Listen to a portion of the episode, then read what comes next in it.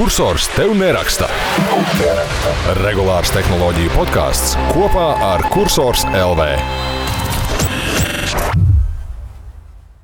Esiet sveicināti, ko kursors tev neraksta regulārā tehnoloģiju podkāstu 12. epizodē, kas tiek ierakstīta 27.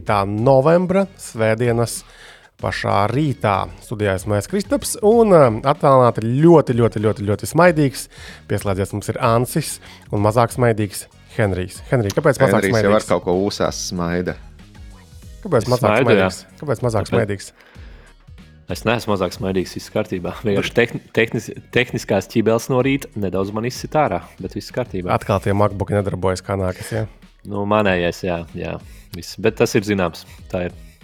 Man te vakar, ne vakar, bet šodien bija atnākusi ciemos laba, laba druška Santa. Un, viņa ir gatava jaunam datoram. Un viņa bija sagatavojusi uz lapiņas tur kādus nu, desmit punktus, kādu viņai tur gribētos to datoru, kādu viņai vajadzētu to datoru. Tad mēs sēdējām un skatījāmies.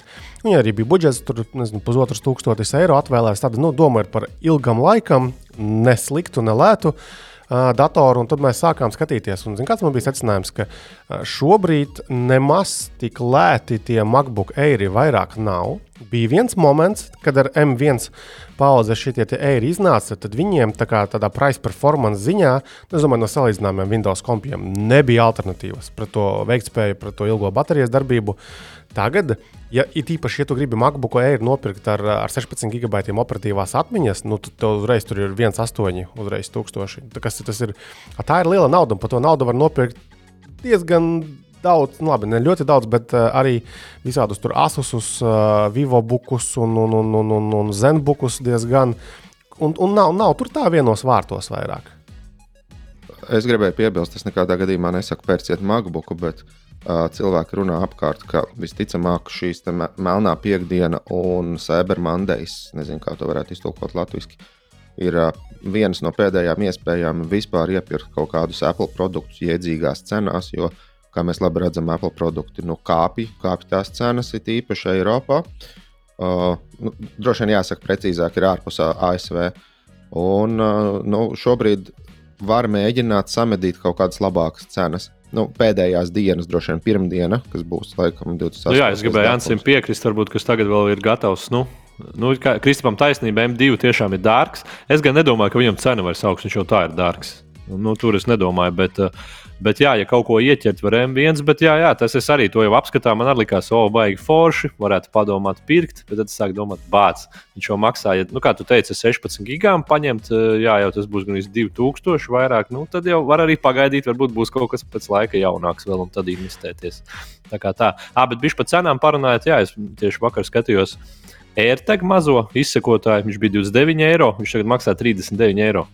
Un viņam jau nav nekāds updates bijis. Nē, nē, nē, nē, tur nekas nav bijis. Tā kā jā, tas tāds. Bet, bet vēl teiksim par tiem kompiem. Atkal, ja mēs atlasām uh, tur 16 gigabaita operatīva atmiņa, uh, normāls displejs, ne Full HD, tad arī Windows pasaulē, nu, tādi 13, 14 nav nemaz tik daudz. Un es, es blakus tur dateksā atlasīju pēc tam nu, konfiguratorā. uh, Par tiem datoriem, jā, tiešām tur bija daži ASUS modeļi. Uh, un, un ar, ar tiem Windowsiem atkal tā problēma ir, ka, nu, kā, a, a, kuras paudzes procesoru tad tev tur vajag? Tur, tur 10, 11, 12.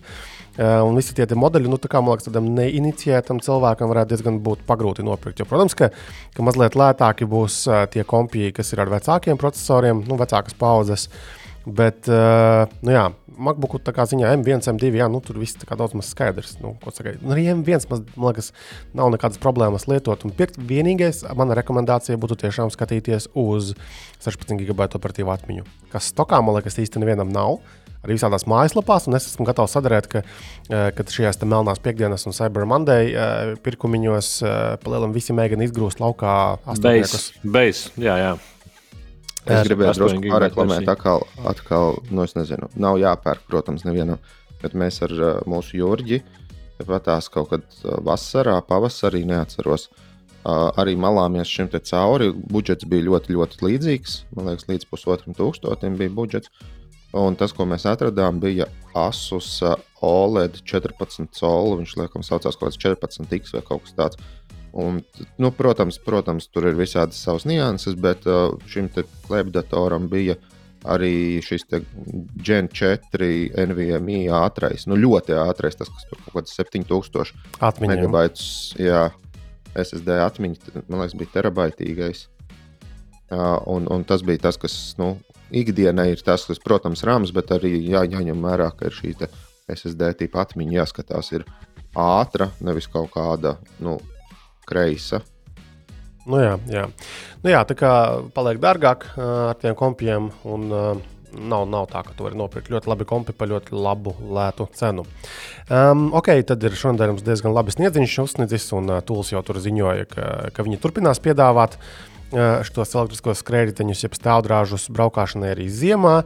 Bolts neko neziņoja, bet tie, tie boltu mētājas apkārt joprojām. Un tagad arī braucot uz studiju no rīta, mm, ceļa malās es redzu, tur apsniguši, nogāzti, nu, nu, nu, kaut, kā, kaut kur pie kokiem pieslieti, vai citur kaut kur uzmesti šie skūteri. Tad tie skumjie sarkanie raidi, nu, sauksim viņus par velosipēdiem, arī visi apsniguši. Un, uh, kurš normāls cilvēks pa šādu šķīdoni, šļūdoni brauks? Henrijs noteikti, kā pilsētā centrā dzīvotājs, noteikti braukājis ir ziemā tagad ar skrejteņiem. Esi mēģinājis? Ne? Nē. Nē, nē, nē. Man, es esmu sabiedrēts ar dažādām traumām no skrējējiņiem. Es diezgan izvairos. Jo man, man jau liekas, Jā, turpini. Sorry. Nē, nē, nē, es saku, var zobus izdaudzīt, un tā, tā kā es baigi, kaut, kā, kā saka, pēdējos mēnešos izvairos, un ziemā es vispār par to nedomāju. Nē, nē, nē, nav, jo, nē es neesmu tāds centrnieks. Jo man jau, man jau liekas, ka teiksim, tas ir ārkārtīgi nedroši. Nu, tā šo stāvdrāžu konstrukcija tādā kritienos ir tāda, ka, nu, ka tur ir. Ja tu krīti, tad tu normāli krīti. Nu, un, un ziemā ar tām, ar tām mazajām faktiski bez protektora riepiņām. Es nezinu, cik ir jābūt kādam varonim, lai, nu, vai pretēji daunim, lai kāptu virsū uz, uz šāda drapaka ziemā. Bet stāsts ir par ko? Kamēr Latvijā visi mēģina pelnīt naudu uz šiem ziemā, tikmēr Parīzē mērs ieminējies, ka nu, šitos īres skrējējiņus vispār varētu aizliegt, jo tie rada ārprātīgi daudz dažādas problēmas. A viņiem tur diezgan daudz ir no laima, dots, ķiera, un, un, un viņiem ir mm, tik ne ap miljonu. Šo te, à, ne, viņiem ir pārdoti 900 tūkstoši elektriskie skrejteņi. Pagājušajā gadā tad ļoti daudz privāto arī, un, un arī īres, protams. Un, un, un, un, tā kā tik um, tik... Bet, ja es varu padalīties ar pieredzi Parīzē, nu, nu. cepuru nost, viņi tur brauc ar visu krustojumā. Tur bija skrējēji, riteņi, visādi īres, elektroriteņi, mašīnas, sabiedriskais. Bet viņi mācīja izvairīties īstenībā, kas man pārsteidz. Tur bija 20 joslas ienāk krustojumā dažādiem transporta līdzekļiem. Bet uh, viņi mācīja diezgan izmanīgi, kas man pārsteidz. Problēmas ir, bet. Uh, vai viņi māca novietot galā? Vai viņi mētājas apkārt? Līdzīgi kā mums bija, līdzīgi kā mums, bet Parīzē vispār viņiem ir daudz tās elektrouzlādes stacijas. Viņiem interesanti bija benzīna tanks Parīzē. Labi, tu vari bijis, varbūt, uh, Ants arī. Viņiem ir mazie benzīna tanki, kur uzlādēt, uh, uzpildīt motorolerus. Jā, viņiem vēl parastie motoroleri iekšā. Tā kā tā. Nu, es neteiktu, ka viņiem tā bija tik kritiska problēma. Viņi mācīja labāk adaptēties kā mēs. Tad tu saki, ka nav jābano tur. Zini, es par šo daudz domāju. Pa lielam jau tā laikam tāda kultūras jautājums. Jā, bet, nu, zini, kā viens jau ir pateikt, otrs ir darīt reālajā praksē, un katrs jau beigās dara, kā grib. Nē, nu labi, tad eh, tā, tā, tā, tā mērs, tā Anne uh, Hidalgo, tā teica, ka tuvāko nedēļu laikā būs gala lēmums, bet nu, uh, diezgan sakūlis ūdeņus bija šie viņas izteikumi tagad jau. Arī. Nu, bet, bet tā ir problēma. Un arī es Twitterī pajautāju šajās dienās arī nu, Staķekungam, mūsu mēram, kas vispār notiek. Nu, jo es esmu dzirdējis no, no viena no operatora puses, ka tur notiek sarunas. Nu, nav tā, ka viņi tur autonomi katrs darbojas un nerunā savā starpā. Un, ja, ja teiksim, no, no staķa pozīcijas raugās, tad Izrādās, ka pašvaldības nemaz tik daudz nevar nu, lemt par, par šādiem jautājumiem. Un uh, jāgaida, kad saimā kaut kādas viņiem ļaus brīvākas tiesības noteikt šādas lietas. Bet, bet principā tā, tā, tas, tas, tas, kā tas varētu attīstīties, tālāk būs kaut kādas speciāli iezīmētas zonas, kuros tad drīkstēs novietot šos kredītiņus, un viņi nemētāsies, kur pagadās. Man liekas, ka tā ir tāda sakarīga pieeja, kas, protams, prasa diezgan daudz darba, kaut vai visu atzīmēt, kaut vai a, kā tagad tu atņemsi, ja kam tu atņemsi to zonu mašīnai noparkotie. Tad klaigās visi šie autobraucēji, to starp arī mēs. Un, nu, jā, tas ir tas jautājums, kas ir jārisina, bet jebkurā gadījumā tas, kas ir tagad, tas neiet krastā, kad viņi mētājas visur, kur pagadās. Un ziemā vispār būtu. Ugh, man taču pagājušajā nedēļas nogalē man atnāk e-pasts.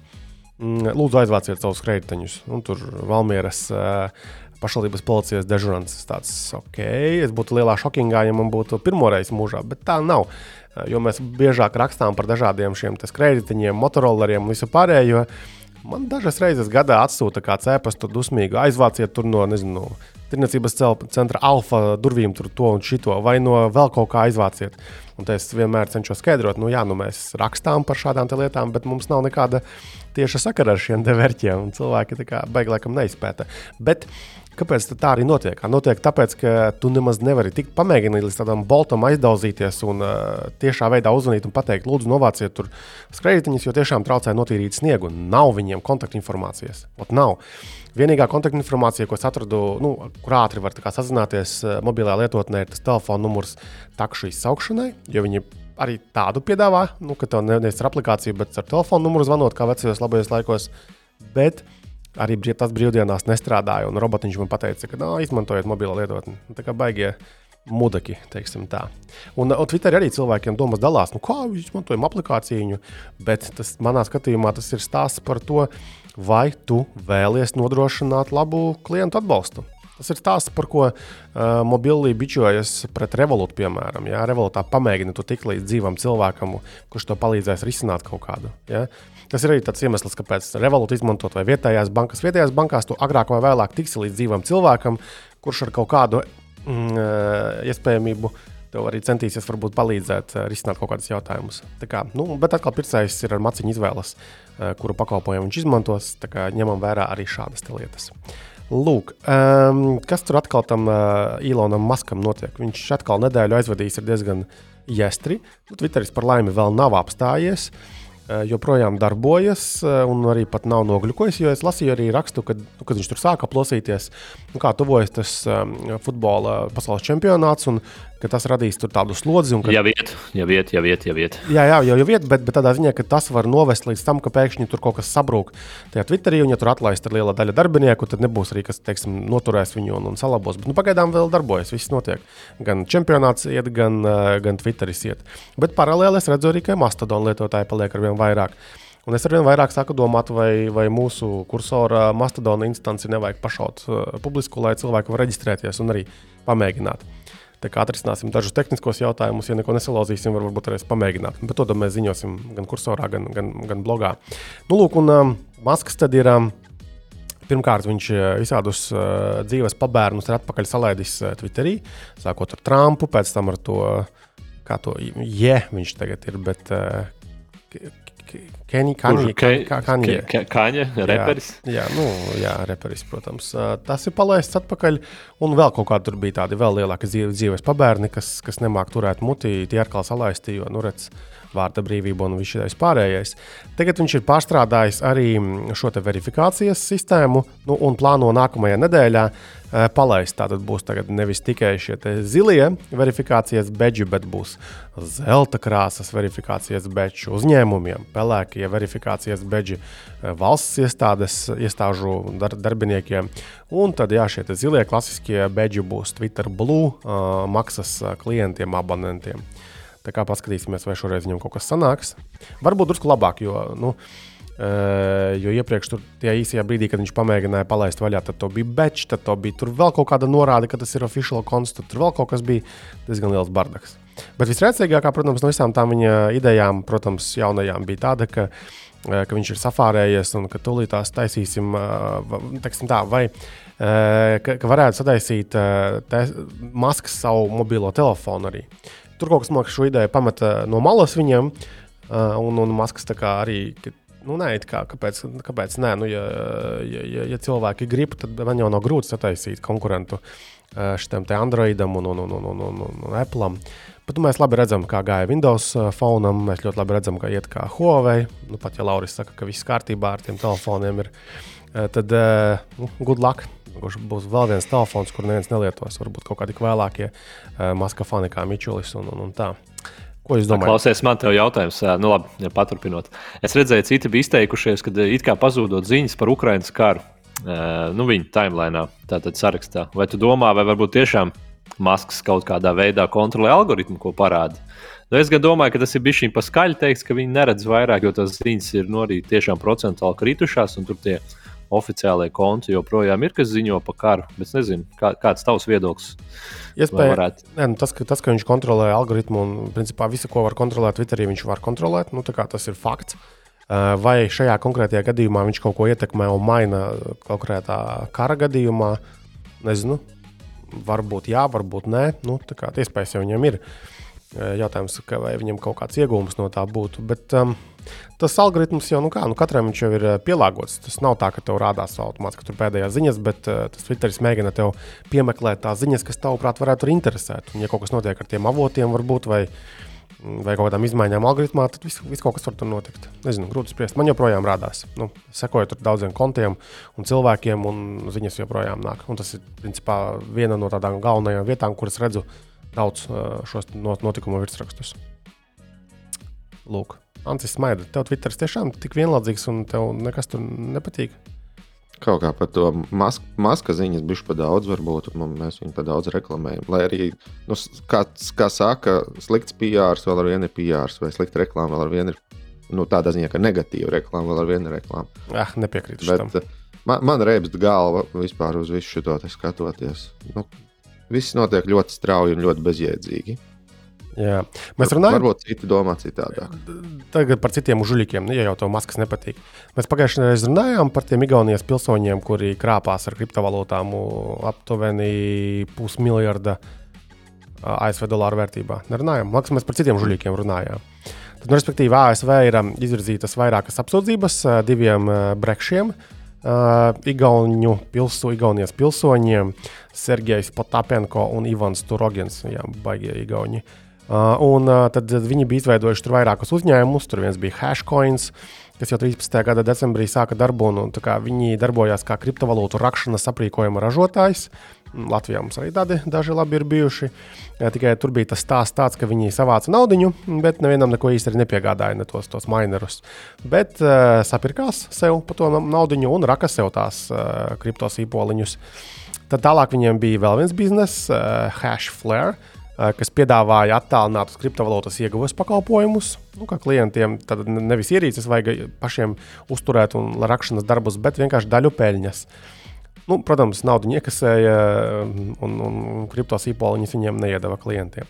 Un tā, jā, pa šiem gadiem viņi bija izkrāpuši līdzekļus 575 miljonu ASV dolāru vērtībā. Diezgan daudz. Twitterī gan norādīja, ka arī Latvijā ir bijuši daži tādi paši veiksminieki pēdiņās, kas arī ir ar krāpšanu nodarbojušies un arī dabūjuši kaut kādus arī sodus.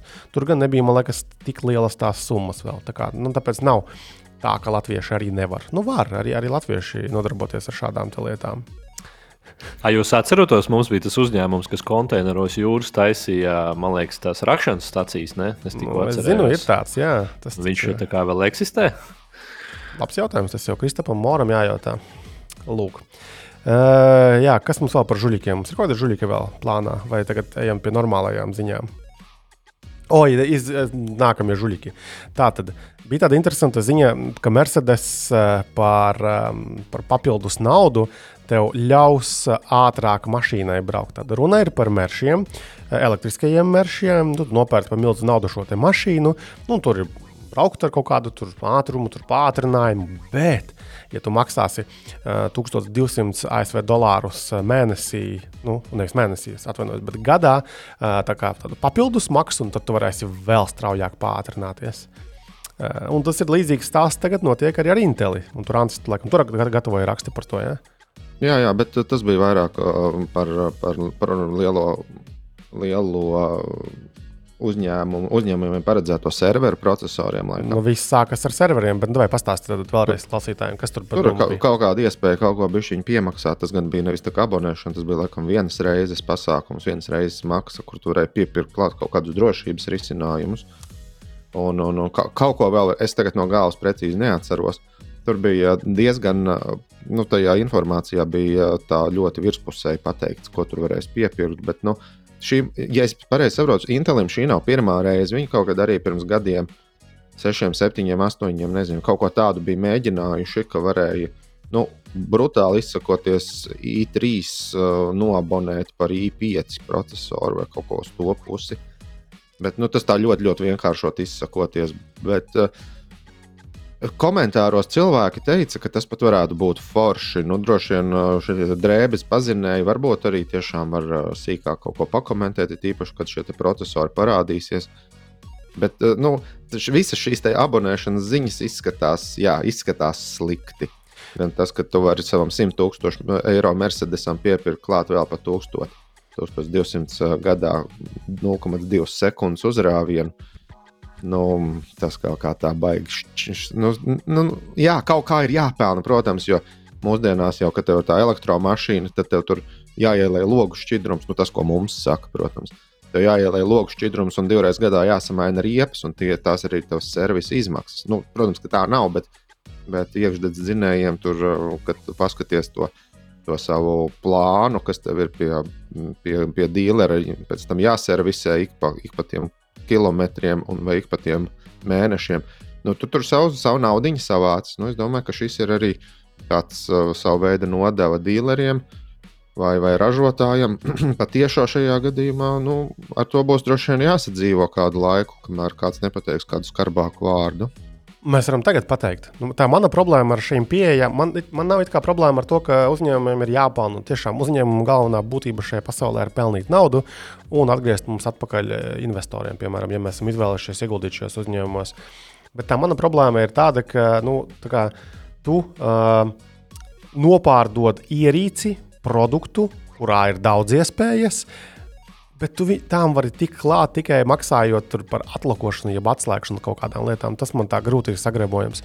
Lai gan pareizi jau arī komentāros arī cilvēki ir arī minējuši un teikuši, nu, ka kaut vai, man, man liekas, tas pats salīdzinājums ar tām pašām mm, eh, parastajām mašīnām ar iekšzemes dzinējiem. Nu, tāds Volkswagen, piemēram, sataisa vienu dzinēju, un tad uh, tikai ar softa kaut kādām izmaiņām, nu, tur viņu pabremzējot mazliet, tev ir nezinu, piecas variācijas šim motoram, kas dažādās mašīnās tiek ielikts. Ja? Kā, man liekas, ka to, to var tā salīdzināt piemēram ar šiem pašiem inteļiem.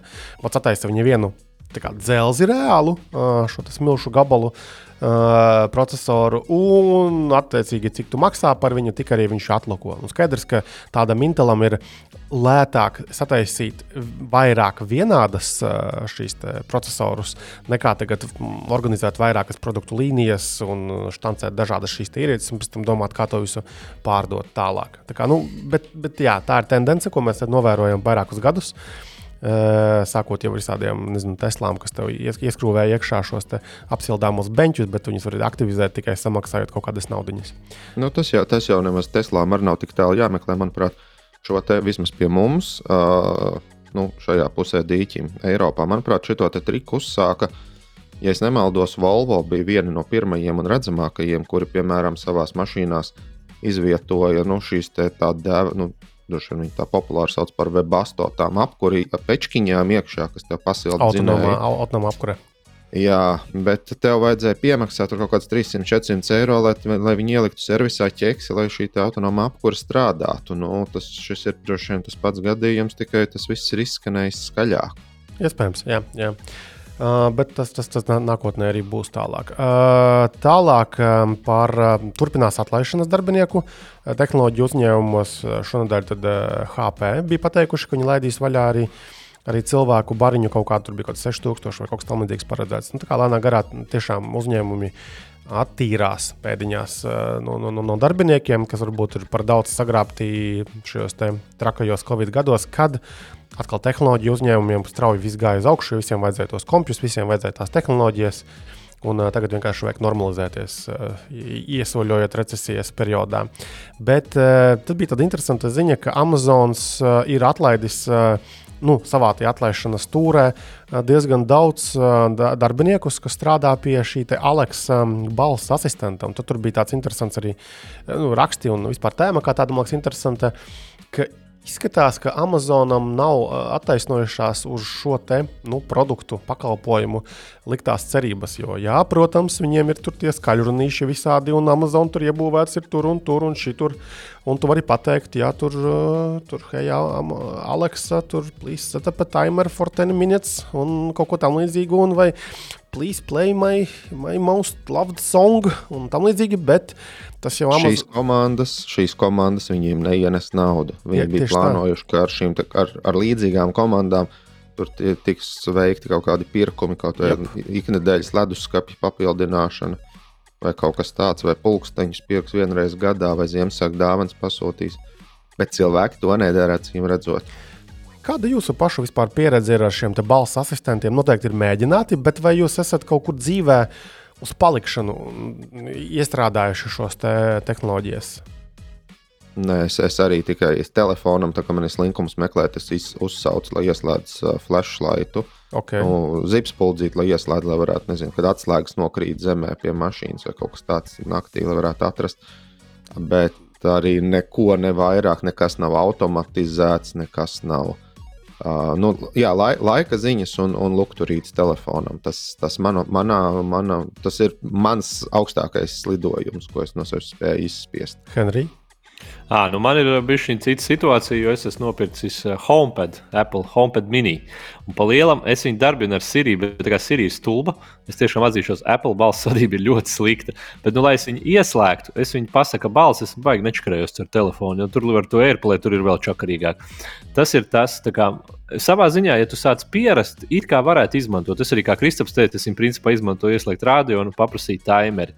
Kaut kādas darbības es neprasu, bet pieņemsim, nu es pafilozofēju. Ja man būtu tas matter standarts, man būtu vairāk smart home, es varbūt mēģinātu, bet arī telefonā es neizmantoju, un arī makā, piemēram, ir jaunajos. Es redzēju, M1 makos tagad var nu, normāli palaist arī nu, makam pateikt, laikam, tur hei, Siri, un viņš ieslēgsies uh, tādā veidā. Bet, nu, nu, nav baigi pielietojams. Vienīgais, kas man Amazon sakarā bija izbrīna, vai arī tas ir tikai pa Alexa, vai tas ir pa visu to eko līniju, jo viņiem jau smart home produkti ir, oi, vesela čupa. Tā jau tas ir vairāk par to pārvaldību droši vien. Nu, to, rādīs, to rādīs laiks, jā, bet, eh, bet jā, produktu viņiem tiešām ir daudz. Tur pat tās pašas skaļrunīši, tur ir vismaz modeļi, nezinu, pieci. Nu, jā, tur šiem gadiem ne. saražoti. Nu, es dodu iespēju, es vēl dodu iespēju, es gribētu pamēģināt, ja man būtu vairāk tieši nu, smart home ierīces, kuras atbalstīs tur jauno standartu. Cer, nezinu, tad es ceru to HomePad mini, viņš man arī būs kā tas, kā bija tā metra stacija, ja, kas man savienosies mājā caur visu izies caur hubu, kalpos kā hubs. Nu, varbūt tad varētu pamēģināt. Bet, bet... Jā, bet pamēģināt un izmantot ikdienā. Nu, nu ir divas vajag, dažādas lietas. jā, tev vajag kaut kādu, tev, tev vajag būt iemeslam. Man tas iemesls būtu, nezinu, tur baigi tālu jāiet, lai Nu, es nezinu, man liekas, ja būtu ja liela māja ar atsevišķu garāžu, tad uzkliedz, eh, lai garāžas vārti atverās, lai mašīna sāk sev sildīt. Bet, nu, Tas, vai vai, tas, tas vai nav. kaut kādā darbnīcā tur rokas netīras un vienkārši ar balsi tev ērtāk. Es vienkārši nevaru iedomāties, kā es staigāju pa māju vienkārši un kā tāds dīvainis tur, hei, Siri, please turn on the light. Ja? Nu, tas... Man liekas, ka šie te um, balss vadība varētu būt laba, ja mēs pēkšņi sākam uh, pāriet uz kaut kādu uh, nu, uz, uz touchscreeniem visur, visādos. Uh, Tele, nu, nevis telefonos, bet uz, uz touchscreeniem, kas aizstāja kaut kādas gaismas pogas vai kaut ko tādu. Tad, tad es lietotu droši vien balss. Tā ka tev nav fiziskas slēdzes, ja? Jā, bet kamēr ir fiziskas slēdzes uz, uz, uz, uz televizora pults, kamēr ir fiziskas slēdzes gaismai, kamēr ir fiziskas slēdzes ūdens noraušanai attējā, tikmēr tikmēr tā balss vadība nu tā. Es gan esmu dzirdējis arī no mūsu lasītājiem, klausītājiem stāstus, ka viņu bērni, nu, tāda paudze, kas ir nezinu, 10, 20 gadus jaunāka par mums, šitiem īsti nav tāda bloķa, kā mums, kā runāt ar kaut kādām ierīcēm, un ka viņi teiksim, diezgan brīvi, nezinu, tur dušā kaut kāds ir tur skaļrunītis, un, hei, vai uzliec man tur mīļāko dziesmu kaut kādu, vai, nezinu, pastāsti, kas tur, vai nolasīt ziņas, piemēram, kaut kādas, ja, vai kaut kur citur, nezinu, nezinu. nezinu. Man jau arī liekas, ka mēs kā kaut kādā savā ziņā tehnoloģija entuziasti vairākus gadus, nu, ilgus gadus, ka mēs esam jau paspējuši pietiekami aplausties uz, uz, uz sākotnējām tehnoloģijām, kuras nestrādāja, ka tur kaut vai call mom vai call dad vai vienalga kas, uh, ka šie te vienkārši nestrādāja un, un tur zvanīja pilnīgi nesaistītām, uh, nesaistītiem cilvēkiem. Un man, jau, man jau liekas, ka tas sākotnējais tāds, nu, eh, šitais drāņķis nestrādā, kāpēc lai tas strādātu? Nu, uh, Tad, um, nu, vismaz man, tā, man, man tā par sevi tāda sajūta varētu būt. Nu, droši vien, ka šobrīd ir bišķiņa labāk, bet tikai bišķiņa. Jā, nu, jā, redzēsim, kas notiek. Jo nu, Apple tik daudz ir investējis tajā savā Sīrijā, un tāpat Henrijam nav gana labs tas Sīrijā. Nu, redzēsim, jāgrūž vēl miljardi iekšā. Uh, un, un, nu, kas... To visi zina, ka ir slikts. Nē, nu, es būšu godīgs. Viņš taču ir. Nu, nav viņš pārāk avansēts. Man liekas, viens piemērs, labi, tas ir smieklīgs, bet Man ir Google Home Mini un ir uh, HomePad viedais atskaņotājs. Es gribu paprasīt, lai atskaņo Latvijas rādio, piemēram. Ja Google Home saprot LR1, LR2, piemēram, tad Sirija tur var stāstīt, kā grib, viņš nesaprot. Un viņi abi ņem no caur tā tuning. Viņi abi ņem caur tuning. Varbūt, ja man būtu Apple Music uh, abonements, nu vispār, labi, Apple kontekstā šitais ir eh, nu, bezjēdzīgi tur runāt pagaidām. Tagad es piezīmēšu, ka pēdējās dažas nedēļas es, es ļoti turos, lai nenopirktu to HomePod mini. Nepēc. Tāpēc, ka es gribu, lai man mājās ir um, uh, Apple. Home kit ierīcēm, tātad viedās mājas ierīcēm, ir, ir, ir tas hubs. Tur ir tagad divi, vai agrāk bija iPads, ir iespējams, nu, kad, uh, caur kuru viss iet, lai es varētu attālināti no ārienes pieslēgties mājām un, uh, ieslēgt, izslēgt spuldzīt, nezinu, vai vēl kaut ko. Tad tagad to var panākt kopš mākslas iepriekšējās vai aiziepriekšējās versijas iOS, kad tev jābūt vai nu HomePod mini vai Apple TV.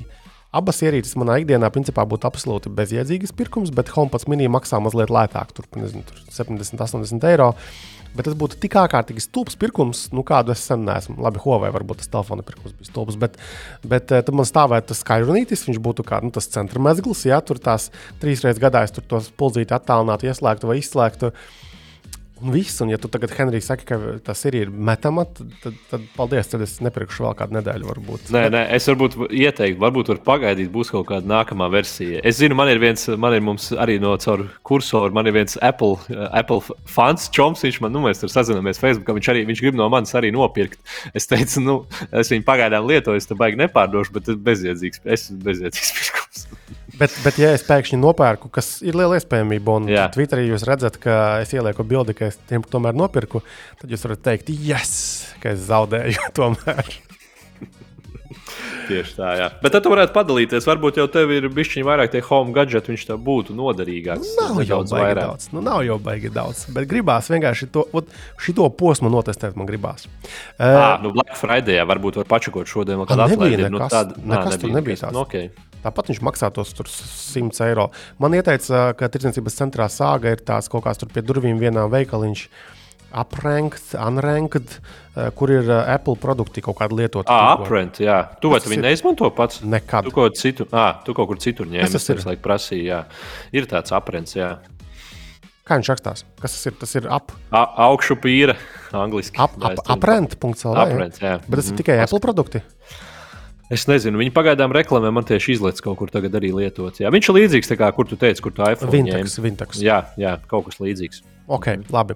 Runājot vēl par ierīcēm, kas nepārāk labi darbojas, tad mūsu klausītājs Edgars, paldies, norādīja uz sarunu Latvijas radio raidījumā kā labāk dzīvot. Viņi bija savilkuši klāt cilvēkus no valsts elektroniskajiem sakariem, un tad vēl tur no kurienes bija. Un, um, tur bija stāsts par to, ka lūdzu nepērciet uh, Ķīnā, vai ne tikai Ķīnā, bet uh, arī citās vietās, radio ierīces, kas nav certificētas izmantošanai Eiropas Savienībā.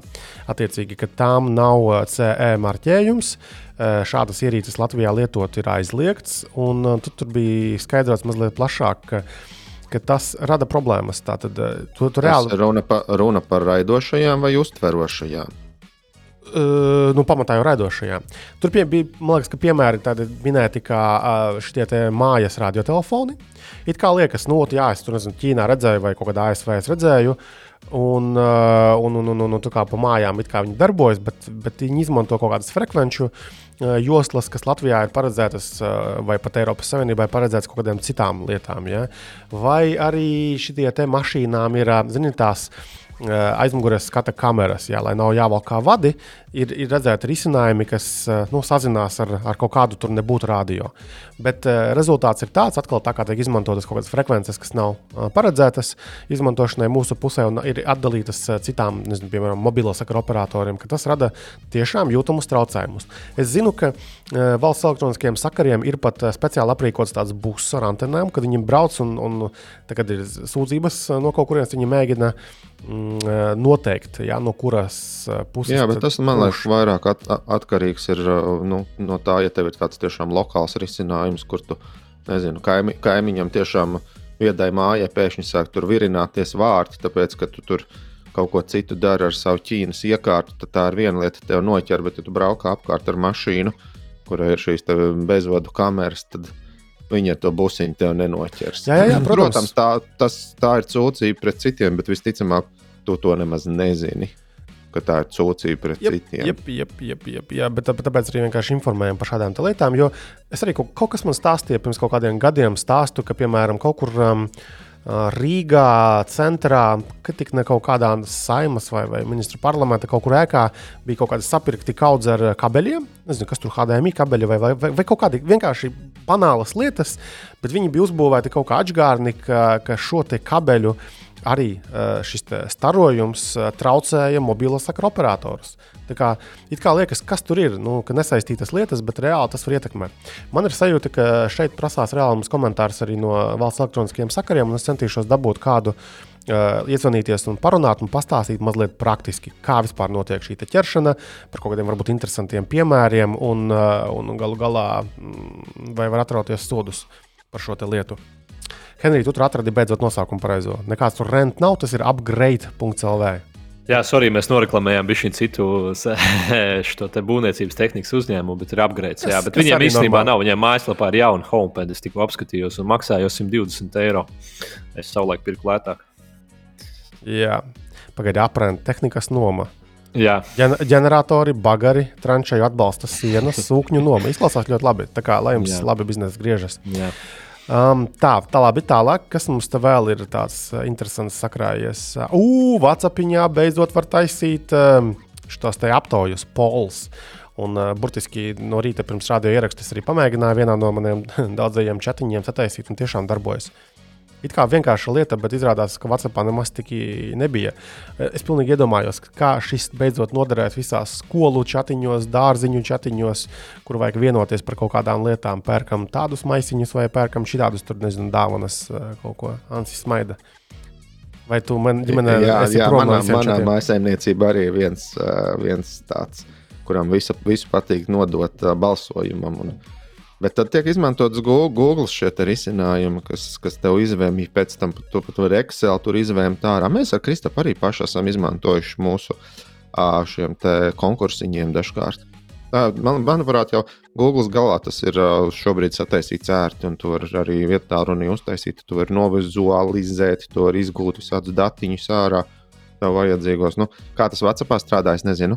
Bet Vācijā droši vien viņš ir vienkāršots, ka tev ir 1, 2, 3 atbildes, jā, jā, jā. un, un čau, un gatavs. Super easy. Tā kā nu, tiešām labi darbojas, un, un manuprāt, tā ir tiešām banāla, bet ļoti noderīga feature tiem cilvēkiem, nabadzīgiem, kuriem tajos bērnu un uh, chatiņos ir jābūt. Man viņi visi ir nomutēti, es kā tur esmu. Ja man ir nepieciešams paskatīties, kas tur notiek, es tur ieskatos, bet parasti es cenšos ļoti izvairīties no, no vajadzības ieskatīties šajos chatiņos. Bet es zinu, ka mīļotā tur cīnās daudz bieži. Bet ar gadiem mazinās entuziasms, es redzu, lai tās jaunās tur mammas un tētis cīnās. Bet tagad, bet tagad ir jaun, jauns rīks, varēs atkal ar jaunu posmu mesties iekšā. Un kā reiz Ziemassvētki tuvojas, taču kaut kāda dāvaniņas vajag. O, jā, jā, jā, par večiem, par salaveķiem, Ziemassvētku vecīšiem, par dāvanām, par dāvanām skolotājiem. Wow, tur ir aizraujoši. Jā. Eh, par dāvanām runājot, eh, tad um, Samsung ir biežāk izmantotā parole. Tā saka eh, šis NordPass. Kas ir NordPass? Paroļu menedžers. NordPassam ir saistība noteikti ar NordVPN. Pareizi. Tas viņa kaut kā atzīst. Nav nevis, mazāk, nav nevis mazākās nojausmas. Tā Nordpass. Man liekas, ka Nordpass ir, jā, tas ir pa- paroļu menedžeris, un viņiem blakus kompānija ir NordVPN, un savukārt NordVPN ir lietuviešu kompānija. Man liekas, viens no Lietuvas šiem unikorniem, jeb vienradžiem. Tātad kompānija, kas ir novērtēta vairāk nekā miljardu ASV dolāru vērtībā. Un jau pagājušajā gadā, man liekas, viņi bija sūtījuši arī mums tādu apkopojumu, kas ir tās biežāk izmantotās paroles. Nu, tagad Nordpass saka, ka 2021. À, pagājušajā gadā, kad ka pagājušajā gadā tad izmantotākā parole ir Samsung.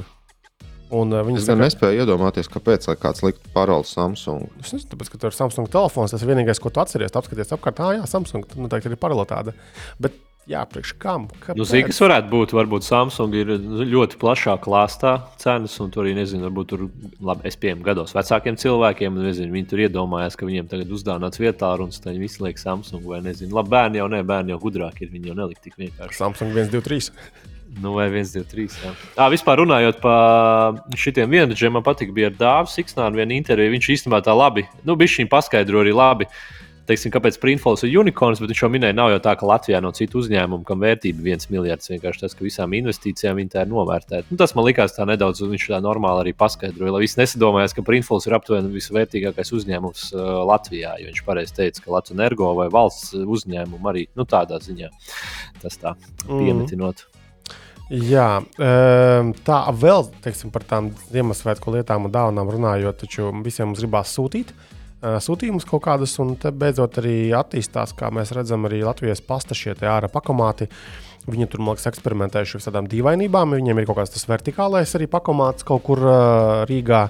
Kad tik ne Sahārova ielā kaut kur tajā galā, nu, kad uh, pakomāts nevis horizontāli, ja, kad tur tās kastītes, bet viņš pa- pats kaut kā uztumj kaut kur augš, au, vertikāli novieto augstāk tās kastītes uh, tavējās. Un tagad viņi attaisījuši arī Latvijā, tad Dagopilī, Luzā Rezeknē, Latvijas pasta ārā pakomāti arī mums sāk parādīties. Bet, nu jā, pakomātu ir diezgan daudz. Teiksim, tur, kur es dzīvoju, tur man blakus ir pie vienā rimī ir viens, divi ārā 3, 4, 5, tad visu piecu tīklu, nu, tad, kas tur ir Venipaks, DPD, Omniva, Latvijas pasts, Smartpost. Pieci gabali, pieci dažādi tīkli, visi ir vienā vietā. Un es, es kaut kā visbiežāk ar Omnivu uh, vismaz pats sūtu prom.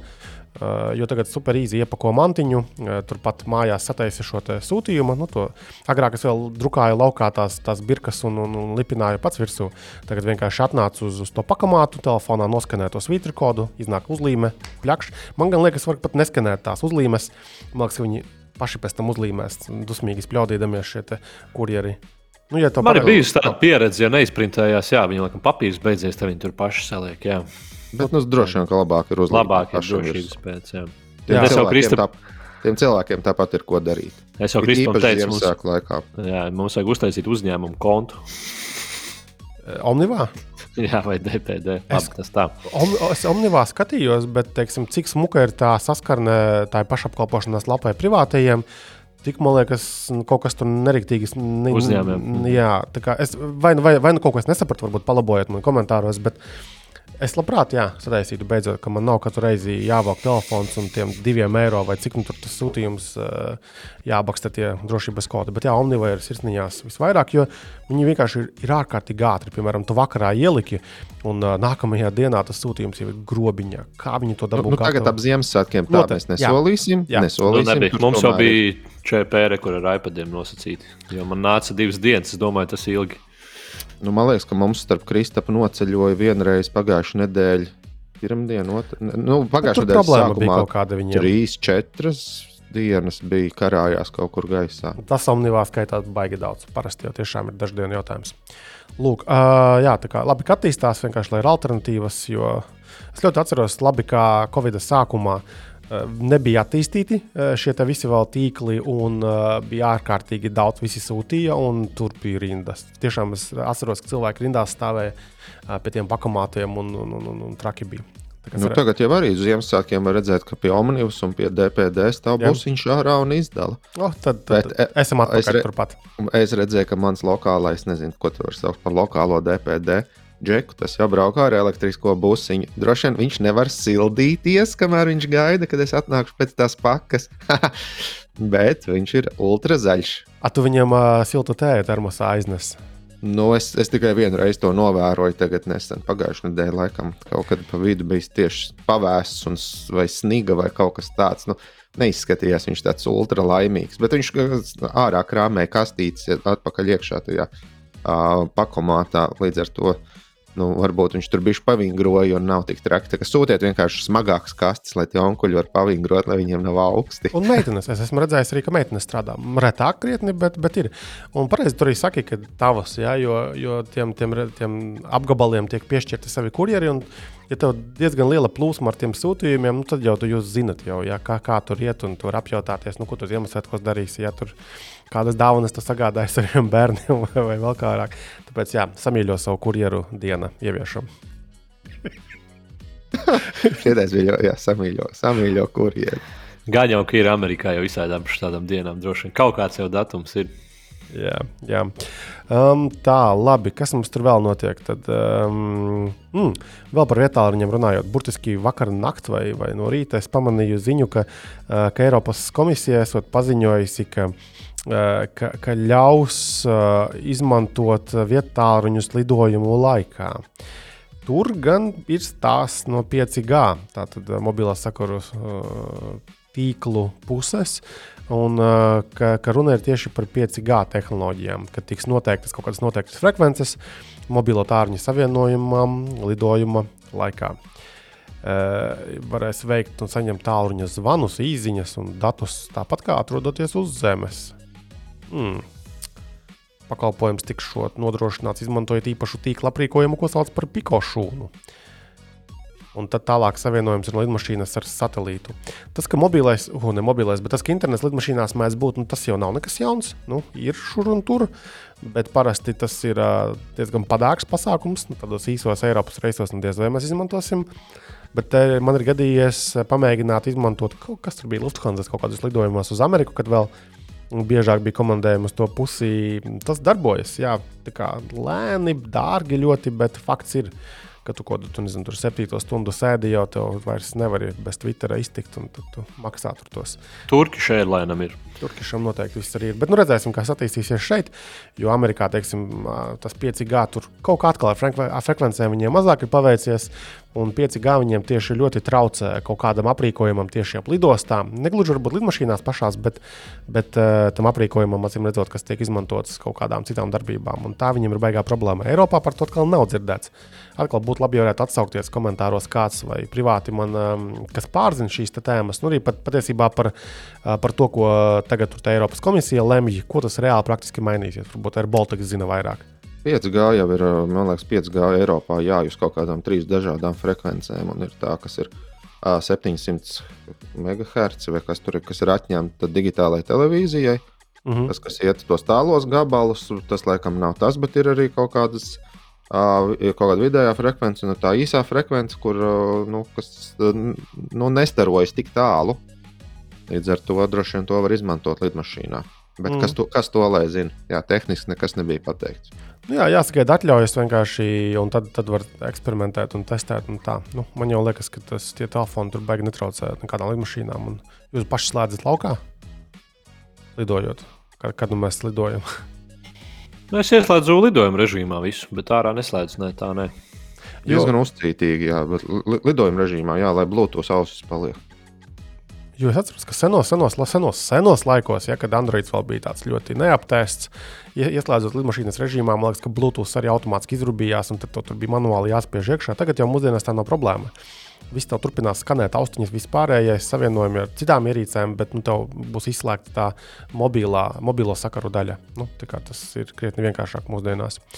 Ehm, Tā, kas ar video spēlēm mums ir noticis eh, šajā nedēļā? Kurš tam ir gēmojis kaut ko ancis noteikti? Ne?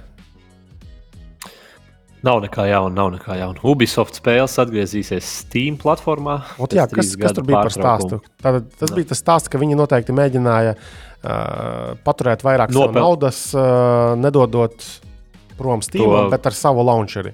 Jā, nē, savu ne, viņi tur Epic Games. Epic Games Ah, nav saistīts. Tas ir vēl cits. Laikam, Epic Games piedāvāja savu launcheru pirms trim gadiem, un tajā laikā nu, Steam tātad vairāk ņēma to procentu. Un, bet Epic piedāvāja vairāk, un tad Ubisoft izdomāja aiziet. Bet nu, tagad izskatās, ka tā kā eh, sorry, Steam joprojām ir nu, lielāko tirgus daļu. kontrolē. Nu, tad sapratuši, ka vienalga ir tik, tik labi neiet caur tiem Epic Games. Bet, jā, bet tur, tur, man liekas, arī kaut kas tam komentāros teicējis, varbūt nepierakstīja rakstā, ka tāpat vajadzēs kaut kādu Ubisoft kontu, un tikai tad caur Steam varēs dabūt. Bet, ja kurā gadījumā varēs tās spēles, jā, bet nu, nāksies tur divās vietās reģistrēties. Tā kā, tā kā nu, tā, Ubisoftam jau pašam ir savs launchers, ko mēs izmantojam ar Kristapu parasti. Jā, jo es tieši gribēju tagad eh, paķert šo tēmu tā, mazliet tālāk. Tātad, tā, kad mēs testējam video kartes, piemēram, nu, izteikti video kartes, tad mēs taču testējam uz, uz tām video spēlēm. Tur ir cik mums tagad spēles, kaut kādas 3, 4. Mm, četras vai jā. pat piecas ir. Jā. Nu, tad bet, mēs... uh, diezgan daudz ir no Ubisoft, bet manuprāt, mēs izmantojam, nu, vismaz man ir uh, epikā šis te uh, Tomb Raiders. Uh mhm. -huh. Jo, jā, tad, tad mēs atlasām tās spēles, kurās ir iebūvēti iekšā šie te, nu, benchmark, jeb veiktspējas testi, lai būtu salīdzināmi šie visi rezultāti. Un uh, es atceros arī, kad, kad es vēl testēju tās video kartes, nu, diezgan čakars, tev kaut kāds jauns kompis instalēts, tev jānovelk visas tās spēles, tur katra sver pa saviem dažiem desmitiem gigabaitu. Bet tas, ka katrai vajag kaut kādu savu launcheri, ja tur uzinstalē vienu, pēc tam tu mēģini atcerēties, blēņas, kādas tur bija paralēlas, kur tur vēl TUFA ir uzlikts. Nu, tas ir diezgan čakars. Tā, nu, nav, nav tik traki, man, man ir pieglabāti šie spēļu faili. Ah. Uh, lokāli, un, un uh, es varu iesaukt spēļu failus, un vismaz Ubisoft launcherī tu pēc tam kā, ej caur to spēli, te var izvēlēties nevis viņu pataisno ielādēt no, no Ubisoft serveriem, bet tu vari norādīt vietu, kur tavā cietajā diskā šī spēle ir. Un tad Ubisoft serveri pievelk klāt tur kaut kādus updates vai kaut ko tādu. Tas ir. Nu, tev katrai spēlē vajag norādīt atsevišķi, kur, kur viņi atrodas. Bet uh, tas vairs nav. Tev nav jāvelk katra, katrai spēlē tie 80 vai cik tur vēlna gigabaiti. Uh, kas, lai arī ir ātrs, vai nosacīti ātrs internets, tas arī tomēr ir diezgan, diezgan ilgs darbs. Tā kā, nu, nav, bet, nu, nav tev viņa stāv uz cietā diska sanāk visu laiku. Jā, jā, jā man pa, vai, nu, liel, lielie šie visādi spēļu faili stāv uz cietā diska, un tu tikai uh, pārkopē uz, uz vienalga uz, uz laptopu, kas tev tur jātestē. Tu pārkopē lielāko daļu, un tad nu, šis launchers pievēl klāt nu, dažus desmit megabaitus vai kaut ko tādu. Vai, nu, ja ir updates, tad nu, loģiski, ka novelkas updates. Mm. Vēl par spēlēm runājot, tad ziņā pamanīju, ka šī jaunā spēle, tā God of War Ragnarok, ir kļuvusi par visātrāk, visātrāk, visvairāk pārdoto Playstation spēli vispār vēsturē. Tur ir runa konkrēti par par šo te nu, weekendu, jeb, jeb, jeb nedēļas nogali. Un, kas salīdzinot ar citām spēlēm, nu, tajā pirmajā izlaišanas tajā nedēļā, šis Ragnarok spēle ir spējusi tapt pārdota tur vairāk nekā 5,1 miljonā kopiju. Tur gan tālāk atkal tie rakstā cilvēki skatās, nu jā, kad Pirms tam tas tops bija The Last of Us, tai otrajai daļai, kas citu, man ļoti patika kā spēle. Ka tā 4, 4 miljonus kopiju spēja pārdot savā izlaišanas nedēļas nogalē.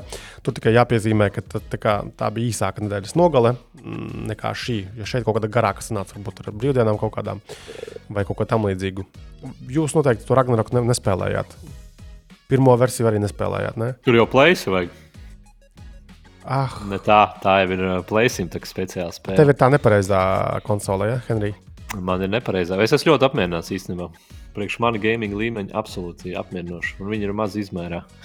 Tā kā nevajag uh, novērtēt par tevi. Tev ir S, tad jau. Man ir tā sērijas SVA. Small edition. bet, uh, bet jā, to Ragnaroku es vēl neesmu nopircis, jo tagad ziemā es varētu arī paspēlēt kādreiz. Uh, Bet, uh, bet to pirmo es pamēģināju paspēlēt. Jā, nu, smuka, interesanti. Zinu, kā stāstījis jau baigais. Bet tur kaut kā ļoti grūti man vedās tā kaušanās. Un es kaut kā ļoti. Nu, tā, kad, tā, kad spēle ir drusku pagrūta, tad tu viņu. Ir, ir, ir, teiksim, smagāks brīdis, kamēr tu ielauzies un viņu sāc spēlēt. Un ļoti bieži ir aizņemtiem cilvēkiem, kad, ah, labi, viss nespēlē. Tāpēc tu spēlēji Minecraft, vai ko tu teici pagājušajā reizē? Jā, es spēlēju Minecraft Dungeons. Tagad pa nedēļu gan es neesmu pieskāries, bet uh, Bet uh, tur viss ir īzīt, ej un klapē visus. Nu. Tāpēc es te apblogaidu. Lūk, uh, labi, spēlēs tad mēs nespēlējām šajā nedēļā. Ko mēs darījām šajā nedēļā? Kas tur bija ar to Manchester United? Henrij, tu noteikti à, nu, jā, vajag jau kaut ko iemest pa pasaules kausa futbolā, jo es domāju, ka kaut kādas tehnoloģijas kaut kur būs kaut kāda raksta, bet uh, baigi daudz nav. Viņiem tur pa video atkārtojums, tehnoloģija, bet tad droši vien jāpapēta vairāk.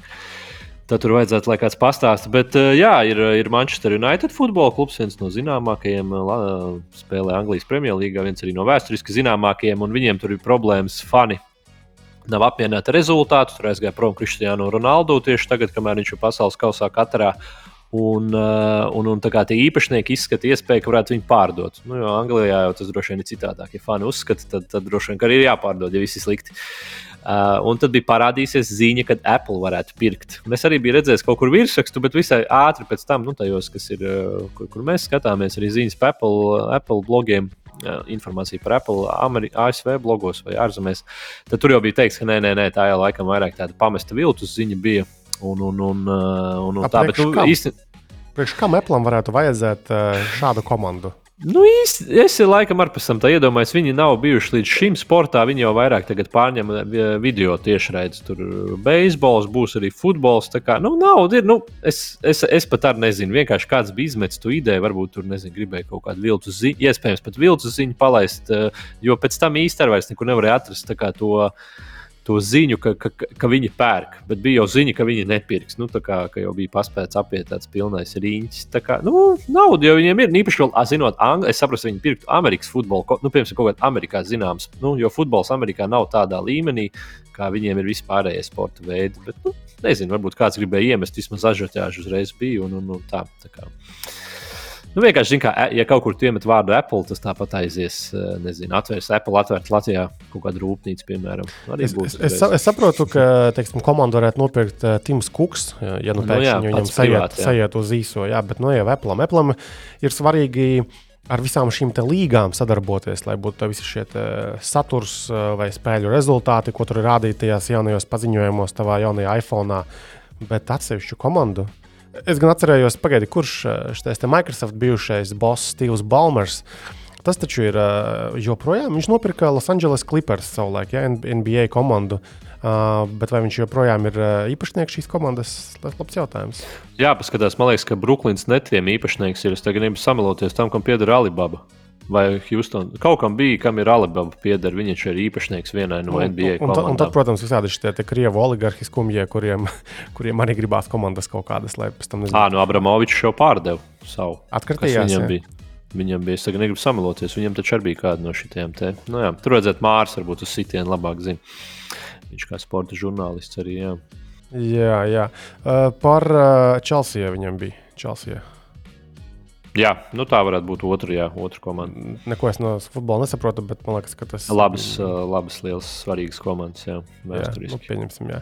Vēl par krievu oligarhiem runājot, jau nu nē, bet tad, tad interesanta ziņa bija, ka Jandeks mēģina atkritīties prom no Krievijas.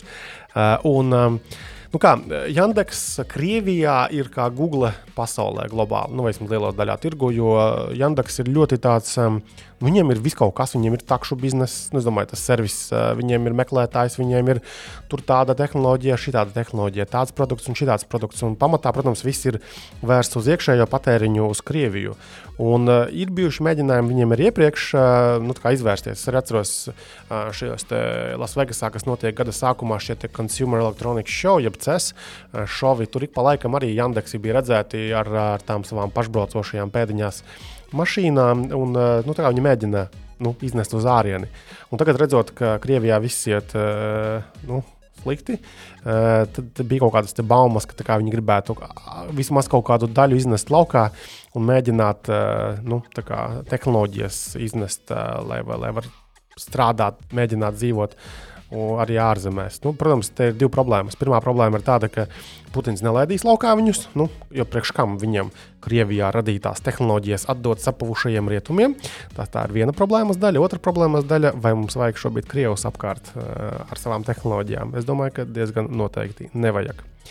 Lūk, par tehnoloģijām, kurām mums vajag. Ansis, skatos, ka tev citādāks uh, mikrofons šodien ir redzams pie tavas bārdainās mutes. Uh, Jā, es, te, es mēģinu te piejaucēt. Mums Logitech ir atsūtījis. Logitech jau kādu laiku ir iegādājušies Blue mikrofonus. Blue, laikam, cik es pareizi saprotu, viņiem tas saknes ir Latvijā. Ui, Bet, jā, man liekas, ka tur latvieši ir bet, saistīti ar dažādiem mikrofonu zīmoliem. Manuprāt, Blue varētu būt viens no tiem. Nu, Blue ir viņiem tas nosaukums, tas tur kaut kāds. Uh, Latvijas tehnoloģija. Es, es nezinu, es, bet šajā blūzā viens no vārdiem, ticamāk, ka tas, kurš ir ar L sāksies. Baltic Latvija. Latvian Universal Electronics. Jā, nu, bet lai arī kā nebūtu, tas tagad ir uh, Logitech uh, paspārnītē, un Logitech mums ir atsūtījis paliet, lietošanai, droši vien tā jāsaka, ir uh, tādu drusku padzīvojušu lielo mikrofonu Yeti modeli. Tas, ir, ā, slavens USB. ļoti. Jā. Jā, slavens, bet arī pavecs šis modelis ir. Ja nemaldos, tur, tur, kaut kas starp 10 un 12 gadiem jā, jāmeklē. Ir. Jā, jā, jā, Henrijs tur ra- rauja uzacis. Bet uh, vēl ar vienu šis mikrofons ir nopērkams.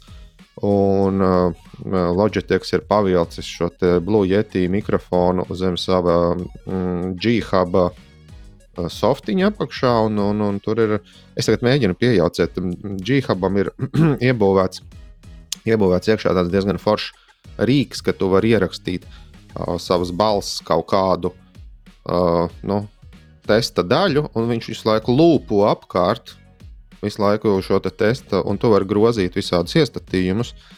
Un, un, un, un, un tev nav katru reizi jāpagroza iestatījumi, jāierunā atkal no nulles, un jāier, jāierunā kaut kas, un atkal jāgroza iestatījumi. Tev vienkārši šis tavs, tav, tava balss visu laiku griežās par īņķi, un tu vari tikai čakarēt iestatījumus. Tas man likās forši. Uh, kas, nav, kas nav forši, nu, protams, var redzēt, ka bišķiņi sāk novecot šis mikrofons, jo viņam ir uh, pat ne mikro USB caurums mikrofona galā, bet šis te uh, pazuda tagad vārds, bet tas, kas bija veciem fotoaparātiem, tāds liels trapets veids, tas mazai, nu, nosacīti mazais USB, nemaz nerunājot par Type C. Nu, Skan jau droši vien forši, bet, eh, bet arī ir savas. Nu, viņš ir jāpiejaucē. Nu, tur tā nevar iesprāst un lietot. Pagaidiet, Bet, bet, nu, ka, kas, kas par Miķi tev bija iepriekšējās ierakstos? tā tagad jāmēģina no, nosaukt. Tas Raizers, ir Reiz- Sairens. Sairen? Seiren, Seiren, Seiren, jā, V2X, ja es nemaldos, baigs sarežģīts. Tas nosaukums ir pasvaigs. Tas bija gan pasvaigs ar visu Type C aizmugurē. Un uh, no tam, tam, tam raizeriem nekas, nekas tāds ultra nebija. Viņā var iesprāst austiņas un viss nu, nomutēt viņu. Tāds maziņš foršs mikrofons, man liekas, diezgan foršs skan. Skaņas zi- ziņā beigās atšķirības nejūtu. Nu, normāli skanēja iepriekšējās epizodēs ar to reizeru, un jā, bet es, es arī pieļauju, ka ar šo te var, ar blūzi var izdarīt daudz vairāk. Tad, tad labāks potenciāls. ja. Jā, jā nu šim, šim te ir ā, gan, gan tas kardioīds, gan tu vari ierakstīt pretī sēdošo un sevi. Tu vari uz sāniem rakstīt, un tu vari 360 grādos rakstīt, kas droši vien ir. Ja šīs nianses ir būtiski kaut kādiem mūziķiem, kas mēģina ies- Zini, kas. Ansim? Ansim tagad tāda kreftīgāka. Tā skaņa. Tā, Jā, biez, te tā kā vari- alus tumšais, tāds, tāds tumšāks. Tāds. Tu, tu vari visu jā, jā, tu vari savu visu kaut ko tur, nu, tu vari pārvērst savu cāļa balsi, tu vari pārvērst par kaut kādu tādu, nu, tādu rīktīgu, tādu nostādītu balsi. Tur, bet, uh, jā, ir, ir forši, ir forši, bet, uh, manuprāt, cik mēs ar Kristapu vienojāmies, mēs šo mikrofonu izmantosim paši podkāstam, un mēs viņu atdosim uh, Jurģim, jo Jurģis mums ir vismazāk aprīkotais cilvēks. Lai viņam skan smuki balss, kā, kā jau māksliniekam, lai mēs viņu pilnā, pilnā tajā sniegumā, ko viņš spēja dot. Vai, ke, vai, arī- vai Keitijai, ja viņa beidzot piekritīs piedalīties šajā te pasākumā? Paga, bet man jautājums, viņš reāli desmit gadus tehniski, kā viņš bija 2012. viņš ir tagad tāds pats. Es domāju, ka mm, varbūt tur kaut kas Henry. bija kājai drusku pamainīts. Vai, A, kur vai, vai, kur problēma? Soft, ir softiski, ir Logitech ir pavilcis softiski viņu apakšā zem sevis. Neviena Un- un- nevien ierīce neiet desmit gadus mūsdienās. Tur problēma. Nu, Pagaidiet, nu, tā jau tā tā pirms iPhone arī desmit gadus nemainās. Nu, tur viss tāpat ir. Ah, nu tas ir vienkārši desmit gadu modelis, jau ir, bet tas viņš jau ir izlaists eh, varbūt 22. gadā. Pareizi Nu, tas saražots tādā ziņā salikts kopā. Ah, nu labi, ok. Es domāju, ka viņš točni desmit gadu nav. vispār. ok. Nē, nē, nu nav, nav Iz- pirms desmit gadiem. jā, Tur jā. ir vadi, vadiņš nav sabrucis vēl pagaidām no vecuma.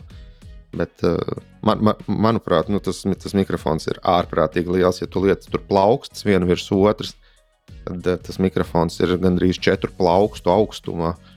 Uh, aptvert ar, ar vienu roku, tu, tu īkšķis, un uh, rādītāji, ne, bet šis garais, tas uh, nu, FU pirksts, tas nemaz neiet kopā. Nu, tas, tas, tas mikrofons ir lielāks nekā litrīgā eļļas pudele. Nu, tas, man liekas, sver kaut kādu pusotru, 1,8 kg. Cik maksā?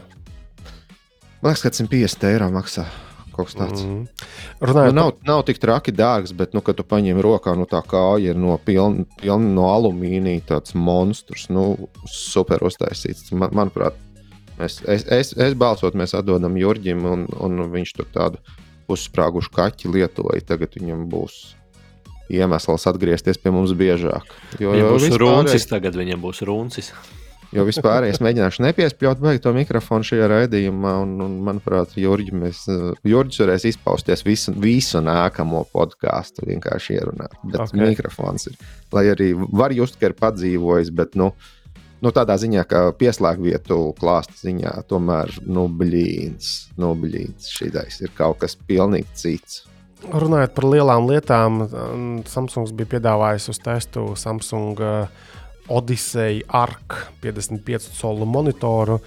Un, uh, tur mēs tā kā paskatījāmies viens otram acīs ar Ansi un sapratām, ka nebūs. Nu, ar Nu, to, šitiem- mēs, to mēs nevaram. Tur vajag atsevišķu lielu, lielu istabu. Jā. Un tas pat turklāt ir liekts šis monitors. Mm. Tas nav plakans, 55 cols. Tas ir arī trešā dziļuma dimensija, ir diezgan kas, mums, iespaidīga. kas mums ir bijuši no šiem milzīgiem monitoriem? Atceros- Manuprāt, lielākais, kas mums ir bijis, ir ā, no 44? Asusa bija 49 vai 47 colu liekts tāds uh, plats, vaidu, ultravaidu kaut es kāds. atceros, tāds ka izstrādājums. vājprātīgi milzīga kaste bija.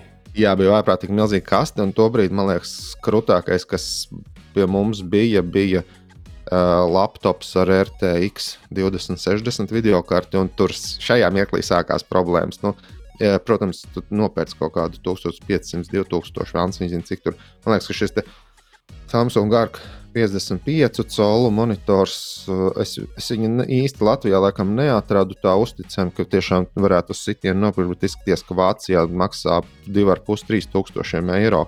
Uh -huh. Nu, dro, protams, protams, ja viņš tev stāv un tev ir kur nolikt, tad tas viss ir krūti. Bet, lai mēs viņu notestētu trīs dienas, tad tas ir ah, 42 kg. Tas aparāts var tīri, tehni, nu, tīri pēc likumdošanas viens cilvēks viņam nedrīkst celt. Un, tur Ah, Bet, nu, uh, izklausās labi, bet, eh, bet, eh, lai notestētu, manuprāt, tur vajadzētu aiziet pie Samsunga ciemos, lai viņi uzliek smukā telpā ar smuku gaismu, un nu, tur smuks meitenes padod popkornu vai kaut ko tādu. Bet Bet uh, izšķirtspēja Vāc. 4K tas ir uh, UHD un 165 Hz. Jā, nu, tur viss, viss ir labi, atskaitot izmēru un svaru. Jā, ok, labi. Tad mums vēl ir ko strādāt, lai mēs varētu apstrādāt šādu te tipa uh, produktu. Henrijs saka, ka jādod viņam. Ja? To galds izturēs par tik lielu moni. Nu jā, kad tu pateici, svar, es par izmēru sāku domāt, bet laikam nē, man tik, tik, tik liels nebūs. Es varbūt pa vidu varētu uzlikt galdam, jā, lai viņš man būtu normāli, bet svars varētu būt tas ierobežojošais. Jā, nedomāju. Citiem vārdiem sakot, Samsung lūdzu sadēsiet normāli izmēru šo monitoru. Ja? Tur, nezinu, Bet Ansim, nē, Ansim, laba doma, jā, viņam jau kaut kāda šaurūmi, vai tad nevar, var taču kaut ko jā, sarunāt tādā ziņā. jā, bet tad būs jāklausās apmācības. Nu, Jā, jau, jau viens uzņēmums ir gatavs tev kaut trijos naktī apmācības nodīt. es domāju, ka vairs viņi nav gatavi neko ar mani darīt. Nekad. Varbūt aizvest uz mežu un aprakt. Labi, uh, kas vēl tāds aizraujošs mums ir noticis šajā nedēļā, par ko noteikti nevar nepastāstīt? Henrija Jansi. Es, es gribēju vēl, vēlreiz pieminēt par melnajām piekdienām un cybermandējiem.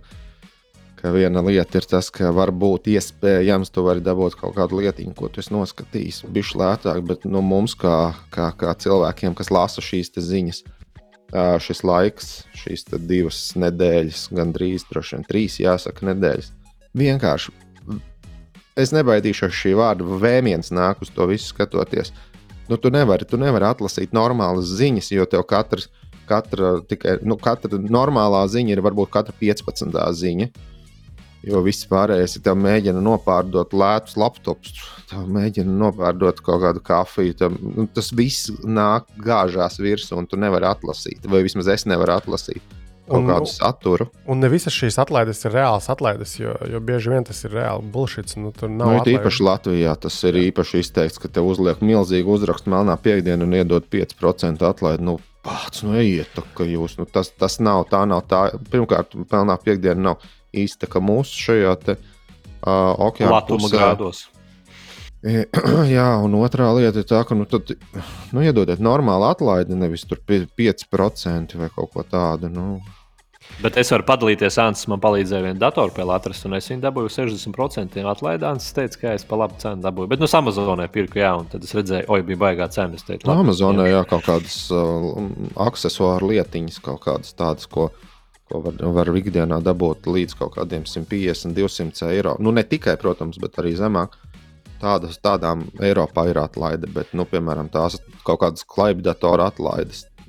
Amerikai mēs nestāvam vispār klāt. Mums varbūt klēpitoram tur nosviež 50 eiro nost, tad jau tas it kā skaitās labi. Bet Amerikā tur ir. Tagad, runājot par šo tēmu, atcerējos, ka Eiropas Savienībā taču vai nu plāno pieņemt kaut kādu likumu, vai, vai, vai tagad jau ir pieņemts, ka ir jārāda uh, komersantiem šīs iepriekšējās cenas, cenu vēsture. Bet tā kā mēnesi laikam bija runa. Tā kā, tā kā es neesmu to redzējis eh, visos veikalos, tad redzot, kaut kas vēl līdz galam nav pieņemts. Bet šur tur esmu redzējis, ka tiešām maziņiem, maziņiem mikros, mikros, mikroskopiskiem burtiņiem tīri, lai ievērotu šo prasību uh, potenciāli, tad uh, rāda, kāda tur tā cena bija pirms tam. Tas ir tieši stāsts, manuprāt, par, par šiem negodprātīgajām kampaņām, nu, kad, kad atlaide atlaidā, no kādas cenas atlaida no iepriekš nedēļās uzrautās cenas. Kā ir? Tu varbūt kaut ko vairāk zināji, Henrija, ka tā māja.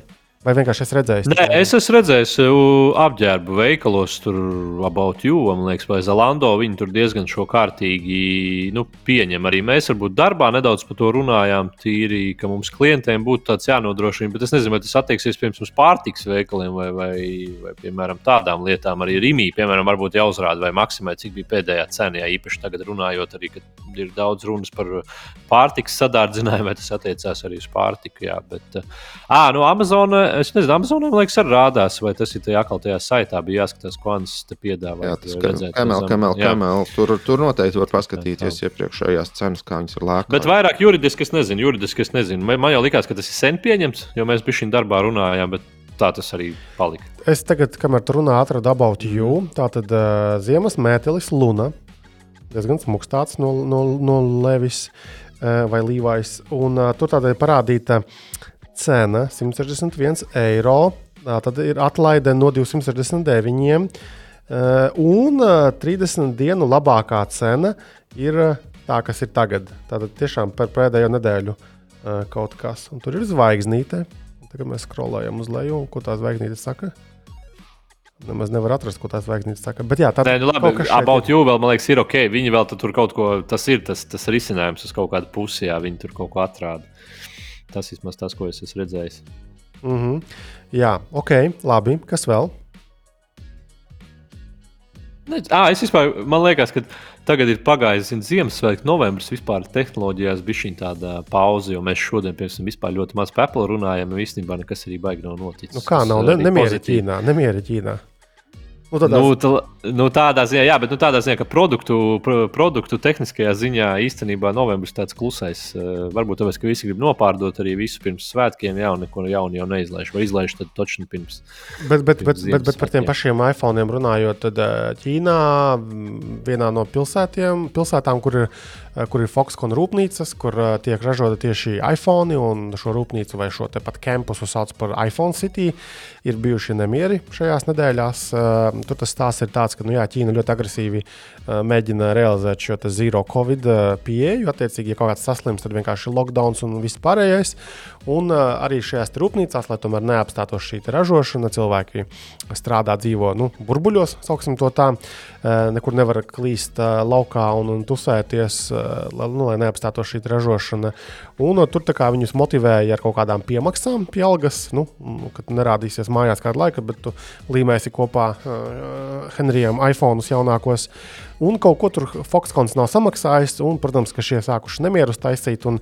Rezultāts ir tāds, ka tur diezgan būtiski, kaut kur redzēju, pat par 30% ir samazinājušies kaut kādā periodā šo saražoto iPhone skaits, kas praksē nozīmē, ka visdrīzāk tas atbalstosies arī mūsu pusē, un vienkārši ilgāk būs jāpagaida teiksim, uz šiem iPhone kaut kādiem. Tā kā, ja tu plāno Ja tu plāno, ja tu plāno pirkt Ziemassvētkiem zem eglītes, likt kaut kādu iPhone, tad varbūt neatliec to gluži uz nezinu, 20. decembri pirkumu, jo var gadīties, ka varbūt tavā konfigurācijā, ko tu vēlēsies iegādāties, šāds iPhone nemaz nebūs. Protams, ka viņi būs kaut kādi, kaut, kaut kādā apmērā, visiem viņi ir, bet uh, grūtāk varbūt atrast to, ko tu gribi tieši tur tādu ar pumpiņām rozā un tā.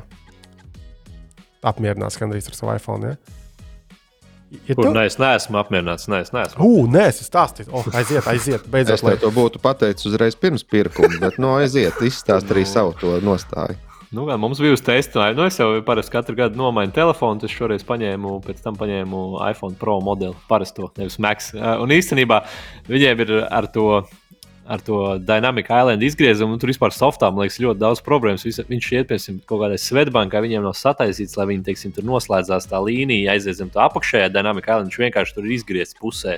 Tad, piemēram, es vakar piefiksēju, ja tu paliec to ekrānu uz pusīti uz leju, nu, var tādu feature uztaisīt, lai tu tiec augšā. Mm. Viņam tas izgriezums paliek tajā bildē. viņš tas izgriezums tāds, viņš ir kā ir ekrāna vidū, bet viņš tajā bildē parādās. Es nezinu, slēgs ļoti glučīgi, bet tas laikam ir slēga problēma.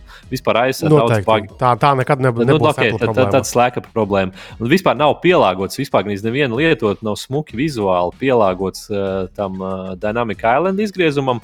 Vispār tas, ja ieslēdz to Always on display, viņa atslēdz bateriju, vispār tērējās, baterija tērējās kaut kā. Man liekas, ka man uz iPhone 13 modeļa pat labāk baterija gāja nekā šī pro. Nu, es nezinu, varbūt tas sajūta līmenī. Nē, nu, labi, ja nelieto, tad divas dienas var izturēt. Uh, nekāda problēma nav. Un, uh, nu, kaut, kaut kā bremzē bija šī ielago, nu, kaut, kaut kas. Kaut kā baigi. Pat cik telefons es... bremzē? Pat cik tā telefons, kurš bremzē? Daudz. Bet es jau, es jau esmu tāds uh, kapitālists un piekritējis. Es jau ņemu uz mēnešu maksu. Tā kā man tas varbūt tā, tā mazāk un, un, un tādā ziņā. Nu, nevis, vienreiz, paņēmu, nevis vienreiz raudu veikalā, bet katru bet mēnesi raudu saņemot rēķinu. Ja? Nē, tā nav. Nē, nu, tā jau ir ok, bet uh, nu, ir tāda. Uh, Šoreiz, laikam, pirmo reizi pat varētu atzīties, varēja arī neņemt jaunu. Jā, es pat ieteiktu, laikam, gaidīt visiem nākamajiem gadiem. Pārdod, nopērts Pixel 7 nu, vai Pro. Nu, jo tu Nē. esi turīgs cilvēks, tomēr, kā mēs redzam. Un uh, iedomājieties, patestēt viņu. Nē, es esmu uzticīgs iPhone. Esmu. Jo man ir problēma ar uh, HomePod mini, ko es gribu nopirkt, bet es situ pa rokām vienmēr, kad es skaros klāt uh, baigu podziņai gandrīz. Un otrs šāds produkts šobrīd ir uh, Pixel 7 nu, vai Pixel 7 Pro. Jo Baigi gribās notestēt, kas tur ir. Nu, ot, kas, kas ir tas pats wow, labākais un krūtākais, ko šobrīd Google un Android vispār var piedāvāt. Ir tikai maza problēma. Latvijā tātad, nu, tādiem oficiālajiem, nu, salīdzinoši oficiālajiem, redzu, ka pie bites ir. Bet uh, bitēji uh, tātad parastais ne pro modelis maksā kā pro modelis uh, kaut kur citur. Uh, bet gluži nolikt kaut kādus, nezinu, 800 ar kaut ko eiro par telefonu, ko es palietošu nedēļu un sapratīšu, ka nē, šis man nav vajadzīgs. Un diez vai tu viņu varēsi pārdot tā pēc tam otrajā tirgu.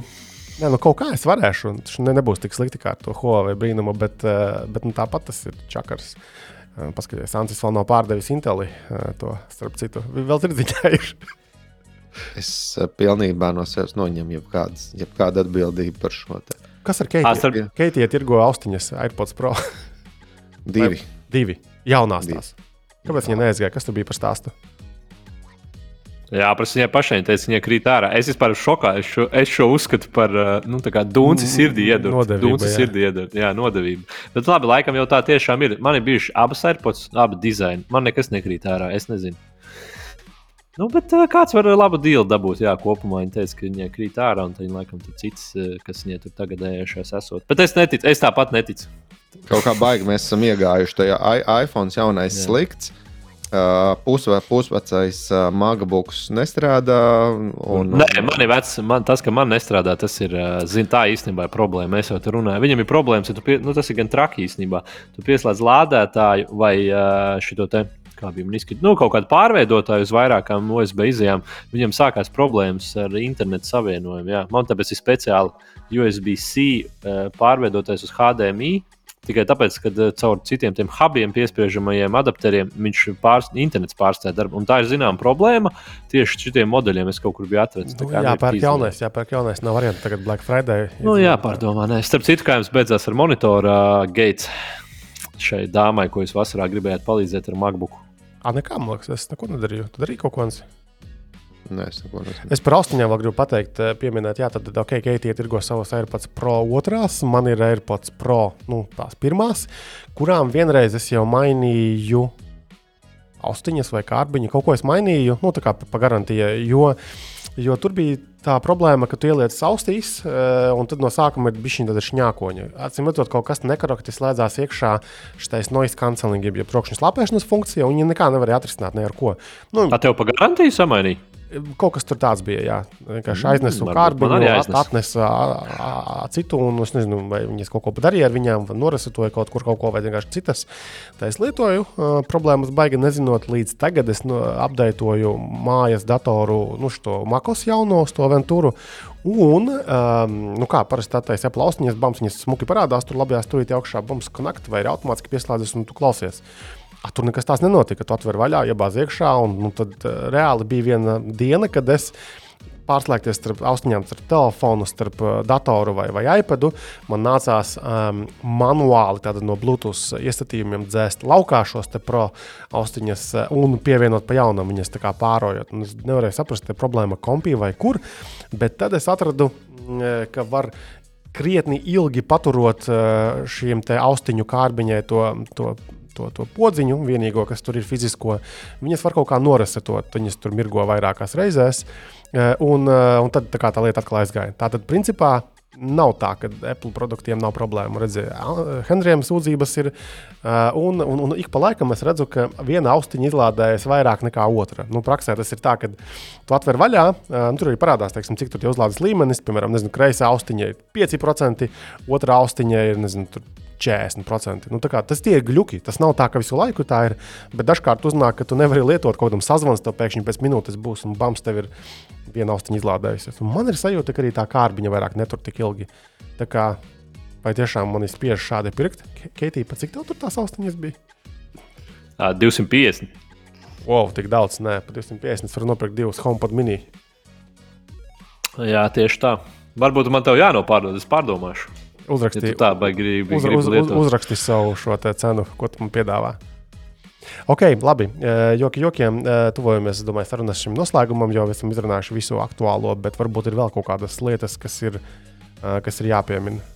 Nākotnes apskati, kas mums te plānojās uz priekšu. Jā, tātad par nākotnes apskatiem runājot, tātad šobrīd, kas mums tur ir sa- sagatavots, tu esi bijis, eh, abi divi esat bijuši Mums, diezgan mums ir centīgi. atbraucis mazais, mazais uh, Intel NUC datoriņš. Starp citu, jā, šo, šo cilvēku ir prasījuši eh, kaut kur formā, esmu redzējis, un, un, un tā. Tad, eh, kas tas ir? Pastāstīja konkrētais ierīce. Mazs, mazs, mazs datoriņš, kur uh, nu, droši vien varētu teikt, ka tas pamatā ir paredzēts biznesa lietotājiem. Uh, bet es pieļauju, ka var arī veiksmīgi mājas lietotājs izmantot. Nu, tas ir uh, tāds, nu, protams, atšķirās no, no modeļa, bet pa lielam nu, tā ideja ir tāda, ka tu dabūji uh, mazu, mazu kastīti, kur uh, ir iekšā processors, dzēsēšana, uh, izejas, ieejas visādas. Un tu pats piesprādi klāt uh, RAM apjomu, cik nu tev vajag, un ieliec SSD tipu atmiņu disku. Arī, nu, cik nu tev vajag, spraudu maudz dziesmā lieto. Nu, man, kā, man kā mājas lietotājiem uzreiz jāsaka, ka uh, Intels ir aprīkojis šo datoriņu ar, ar tīri ātriem visādiem Wi-Fi un 2,5 gigabitu LAN pieslēgu vietu. Man tā pirmā problēma bija tāda, ka uh, Windows instalācija šos driverus nemaz nepiedāvāja. Un, nu, tad bija šī tādas riņķa dances, jo, jo Windows 11 tu nemaz iestartēt nevari, bez, kamēr tu netiec pie interneta, lai viņš nozogtu tavus pirmotnējos datus. Droši vien. Uh, bet uh, nu, tur man izdevās diezgan ātri atrisināt šo problēmu, bet uh, nu, cilvēkam, kas, kas nav ar šo saskāries, kurš nopērk un tur baigi priecīgs uztaisījis, ir būtablu Windows USB stiku.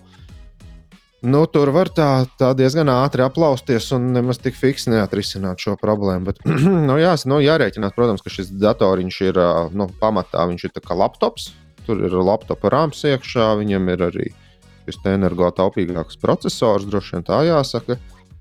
Uh, 12. paudzes Intel ir iekšā mūsu gadījumā i5. Es to modeli no galvas nenosaukšu kaut kāds 120p vai kaut kas uz to pusi. nu, normāls, normāls uh, darba zirgs. Video maksā? tur nav nekādas 3D, neko nelaidīs baigi, bet uh, viņš ir maziņš, tāds plaukstas izmēra. Cik maksā? Uh, šajā te IP, 12, tad precīzi laikam tur tas modelis ir Intel NUC 12 Pro mini PC, kaut kas uz to pusi ar i5 procesoru, bet tas ir šobrīd ir divu veidu. Šie te 12. paudzes NUC ir biezāks un plānāks. Mums ir tas plānākais modelis. Uh, manuprāt, bija 530 eiro ar i5 procesoru, bet, bet tas ir bez RAM atmiņas un bez uh, SSD. Mhm, okay. Nu, tur, ir jāpie, tur ir jāpieskaita kāds, nu, cik, cik nu gribās, bet nu, es domāju, ka tur savi 200 eiro tur vēl nāk klāt. Okay. Jā, jo es saku, tiešām cilvēki ir prasījuši, un beidzot mēs esam tikuši līdz tam lukam. Tad uh, būs kaut kad drīzumā arī apskats. Uh, savukārt Henrijs ir uh, izmocījis uh, viena no tiem diviem jaunajiem iPadiem. Apskatu tas ir uh, tagad pārskatīšanas stadijā un būs gaisā nākošajā nedēļā. Varbūt vienā teikumā, kas tev patika, kā patika. Es jau, man liekas, iepriekšējā reizē teicu, tur, tur nekā nav. Viņš īstenībā ir baigi dārgs, pa lielam tur nekā nav. Un pēc Nu, aira tāda- skatās. Ja? Viņš izstāsta reāli pēc eira. Nu, es, es, man rezumējums bija tāds, ja nav iPads un tu beidzot gribi, tad šito var nopirkt. Bet arī jārēķinās jau investīcija. Tā viņš, es domāju, ilgtermiņam lietošanai būs labs. Bet par mazāk naudu tu dabūsi iepriekšējās paudzes, kas arī vairs nemaz tik slikti neizskatās.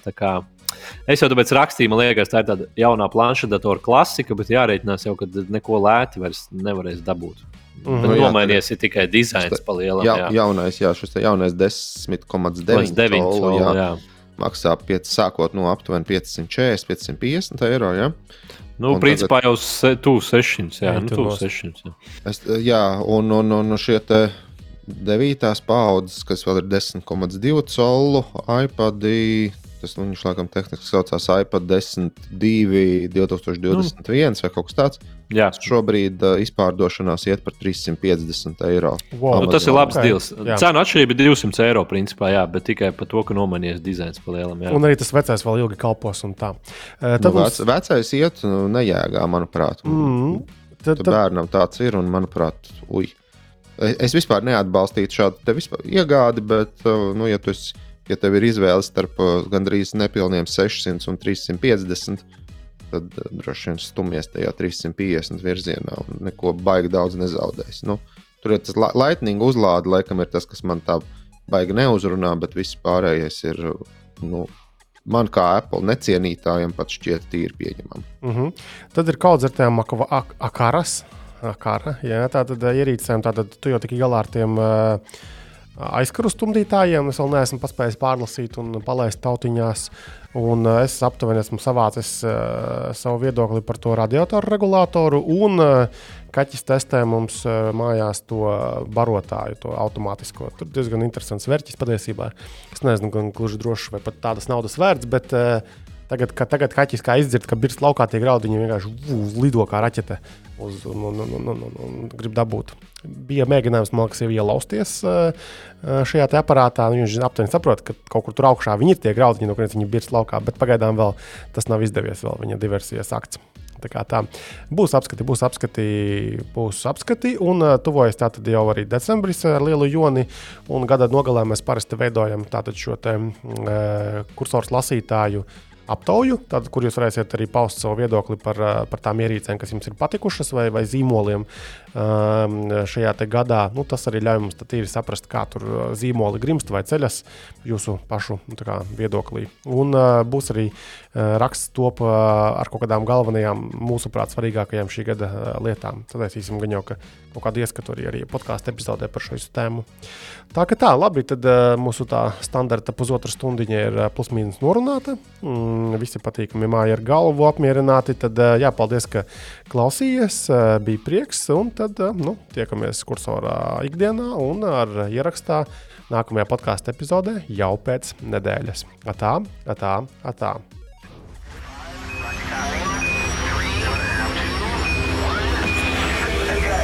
ko kursors tev neraksta. Regulārs tehnoloģiju podkāsts kopā ar Cursors LV.